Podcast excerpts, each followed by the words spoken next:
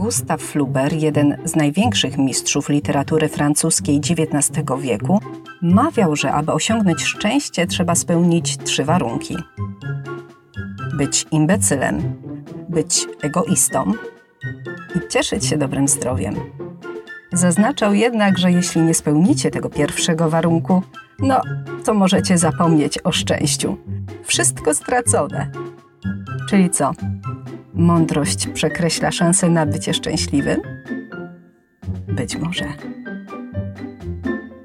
Quentin Massais. Głupi ma zawsze szczęście. Zaprasza Agnieszka Kijas. Fluber nie był w swojej opinii odosobniony, a w podobnym duchu wypowiadał się choćby sam Albert Einstein. Porównywał on głupotę ludzką do kosmosu, mówiąc, że oba te zjawiska, zarówno kosmos, jak i głupota, są nieskończone. Przy czym zaznaczał, że co do kosmosu, to ma jednak pewne wątpliwości. Kojarzycie też pewnie taką piosenkę Maryli Rodowicz, to znaczy śpiewa ją Maryla, ale słowa do niej napisała Agnieszka Osiecka. Ta piosenka nazywa się Wielka Woda i tam są takie słowa.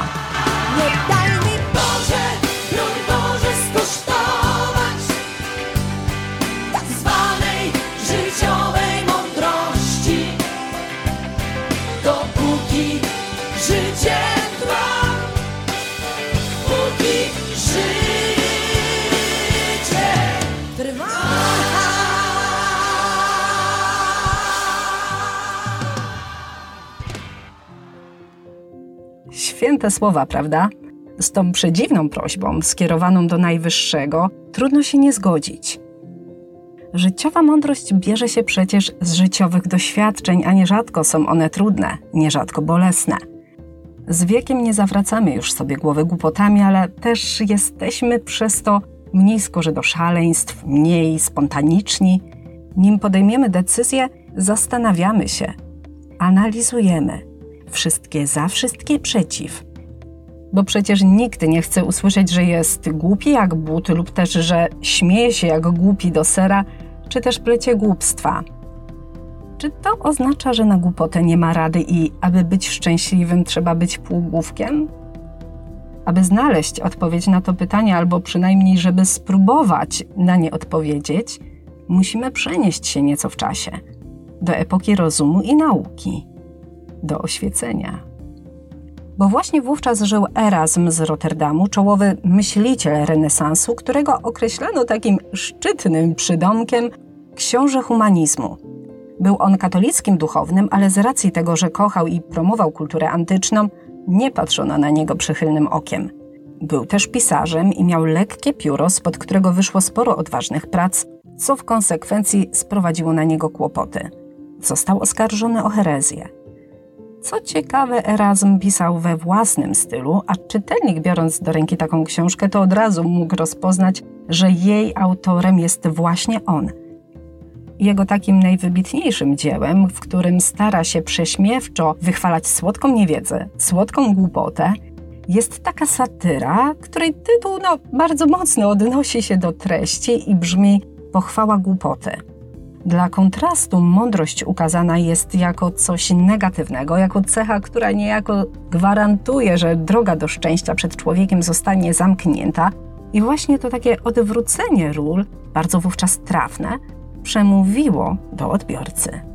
Jednak niech Was nie zmyli dowcipny i groteskowy charakter dzieła, ponieważ ten renesansowy pisarz udowadnia nam, że czasami to, co potocznie uchodzi za głupotę, w istocie może okazać się mądrością. Taka istna komedia omyłek, takie pomieszanie z poplątaniem. A skoro tak, to utwór szybko przerobiono na spektakl i grano go wszędzie ku uciesze królów, ale też ku uciesze gawiedzi. I właśnie wówczas, gdy Erasmowy hymn na cześć głupoty święcił triumfy, a za sprawą ulicznych teatrów zdobywał rzesze odbiorców, to malarz Quentin Massais pracował w swoim studio i pochylał się nad sztalugą, gdzie tworzył własną alegorię głupoty. I o podcast o tym konkretnym obrazie, o alegorii głupoty Quentina Massaisa, poprosiła mnie jedna ze stałych słuchaczek cyklu Dawno temu w sztuce, Roma Wilczek, którą z tego miejsca bardzo serdecznie pozdrawiam. Nie ukrywam, że początkowo chciałam zupełnie inaczej poprowadzić narrację i oprzeć ją na trzech pracach tego artysty, tak by uwypuklić trzy cechy, takie wady, które ogólnie są niepożądane. Głupotę, przedstawioną oczywiście na alegorii głupoty, o której dzisiaj Wam opowiem. Chciałam jeszcze omówić chciwość, którą wyraża płótno bankier z żoną i brzydotę, ponieważ to właśnie Masajs namalował najbrzydszy kobiecy portret w całej historii malarstwa. Portret brzydkiej księżnej. Taki miałam zamysł. Ale jednak im dłużej przyglądałam się groteskowej twarzy głupca, tym trudniej było mi od niego oderwać wzrok.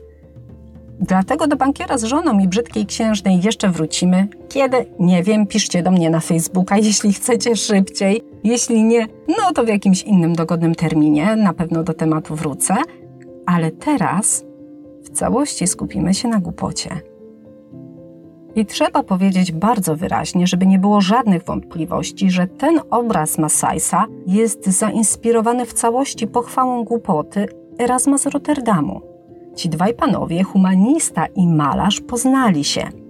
Erasm zamówił nawet u Quentina dwa obrazy, w tym swój portret, i dziś przechowywany jest on w Rzymskiej Galerii Narodowej. Ale przyjrzyjmy się teraz samemu obrazowi, temu głupcowi, i w pierwszym rzucie, w pierwszym wrażeniu, no, możemy czuć się nieco zakłopotani. Jednak zapewniam Was, że gdybyście żyli w renesansie i zobaczyli ten dla nas dziś dziwaczny wizerunek, to nie sprawiłby on Wam żadnego problemu, bo dokładnie tak przedstawiano głupców. A widywano ich na festynach, przedstawieniach, na karnawałach czy też na dworach władców. Słowem wszędzie. I taki tradycyjny kostium głupca zawierał płaszcz z kapturem, do którego doszywano głowę koguta i uszy osła. Obowiązkowe były też dzwoneczki przymocowane do czerwonego pasa. I u Masaja właśnie tak jest. Jego głupiec dokładnie tak wygląda. Ma także taką specyficzną narośl na czole i to też nie jest przypadek, bo w niej zgodnie z legendą mieścił się kamień głupców, który miał odpowiadać za wszystkie braki w inteligencji. Głupiec z obrazu trzyma jeszcze taką laskę, która jest zwieńczona małą rzeźbioną postacią innego głuptaka, takiego błazenka w czapce. I taka laska była często wykorzystywana jako taka marionetka do satyrycznych scen lub zabaw, kiedy głupiec prowadził taki dialog, trochę jakby sam ze sobą. Ale przyjrzyjmy mu się dobrze, temu błazenkowi kukiełce, bo cóż się okazuje, że no nie ma ten chłopak wstydu. Otóż obscenicznie zsunął spodnie i wypiął się jak trzeba, co symbolizuje wszelkie obelgi związane z głupcami. I może właśnie z ich powodu głupiec z obrazu, ten główny głupiec, trzyma palec na ustach. Ten gest odnosi się do greckiego boga ciszy, Harpokratesa, który był zwykle przedstawiany właśnie w ten sposób. Ciszę uważano za cnotę, bo jak wiadomo, milczenie jest złotem i miała ona cechować ludzi mądrych, takich jak filozofowie, uczeni albo mnisi. Tutaj jednak Masejs zmienia ten gest w parodię i zestawia go z napisem pod głową koguta, który brzmi Mondoken toe, a to oznacza trzymaj buzię na kłódkę. I tu tkwi tajemnica. Bo trudno uwierzyć, że ten groteskowy i zdeformowany głupiec to tak naprawdę mądry i wnikliwy ekspert, który niczym Sokrates przybiera kostium niewiedzy. Wiem, że nic nie wiem, mówi i potrząsa swoją zabawną kukiełką, która w najlepszy pokazuje nam dwa lśniące pośladki. Mądry zrozumie, głupi się zaśmieje. I kto będzie szczęśliwszy? Z tym pytaniem Was zostawię. Przypomnę jeszcze, że ta audycja powstała na życzenie stałej słuchaczki malarskich podcastów Romy Wilczek, której pięknie dziękuję za tak wspaniałą inspirację i do której uśmiecham się tutaj z pomiędzy mikrofonów i różnych kabli, które tu leżą. A jeżeli Ty również chciałbyś, żebym nagrała podcast o Twoim ulubionym obrazie, o Twoim ulubionym malarzu, to napisz do mnie. Zgłoszenia przyjmuję na Facebooku, a mój fanpage nazywa się dokładnie tak samo jak ten kanał, czyli Dawno temu w sztuce. Jestem też na YouTubie, zapraszam. Tam niebawem zresztą zamieszczę krótką relację z mojego pobytu w Muzeum Narodowym w Warszawie. Było cudnie. I z tej wizyty będzie nie tylko film, ale też podcast i będzie felieton. Dlatego warto zaglądać na moje media społecznościowe, by być z tym wszystkim na bieżąco. Przypomnę jeszcze, że moje podcasty znajdziecie na wielu streamingowych platformach, w tym choćby Anchor czy Spotify, i publikuję je co czwartek. A dodatkowo w ostatnią sobotę miesiąca recenzuję dla Was filmy o malarzach lub też w jakiś inny sposób związane z malarstwem. I te sobotnie podcasty powstają wspólnie z Fundacją Kino Szkoła i są dofinansowywane ze środków Narodowego Centrum Kultury w ramach programu Kultura w sieci. W najbliższym odcinku, czyli już w tę sobotę, 25 lipca, opowiem Wam o bandzie Picassa, czyli o opartej na faktach komedii pomyłek z ojcem kubizmu w roli głównej. Otóż mało kto wie, że ten słynny malarz Pablo Picasso był podejrzanym w sprawie kradzieży Monalizy. I o samych okolicznościach zniknięcia słynnej pięknej Włoszki z Louvru już nagrałam podcast. I jeśli go nie słyszeliście, to zapraszam, polecam. A premiera recenzji filmu Banda Picassa, który szerzej omawia akurat sam wątek Pabla w tej całej sprawie, będzie miała miejsce na YouTubie Kinoszkoły. A później także tutaj, na dawno temu w sztuce. Tymczasem ja się z Wami już żegnam i zostawiam Was razem z muzyką Hani Derey, młodej i uzdolnionej kompozytorki stychów, która tradycyjnie gra na finał specjalnie dla Was. Do usłyszenia w sobotę. Do usłyszenia w czwartek. Niech żyje sztuka.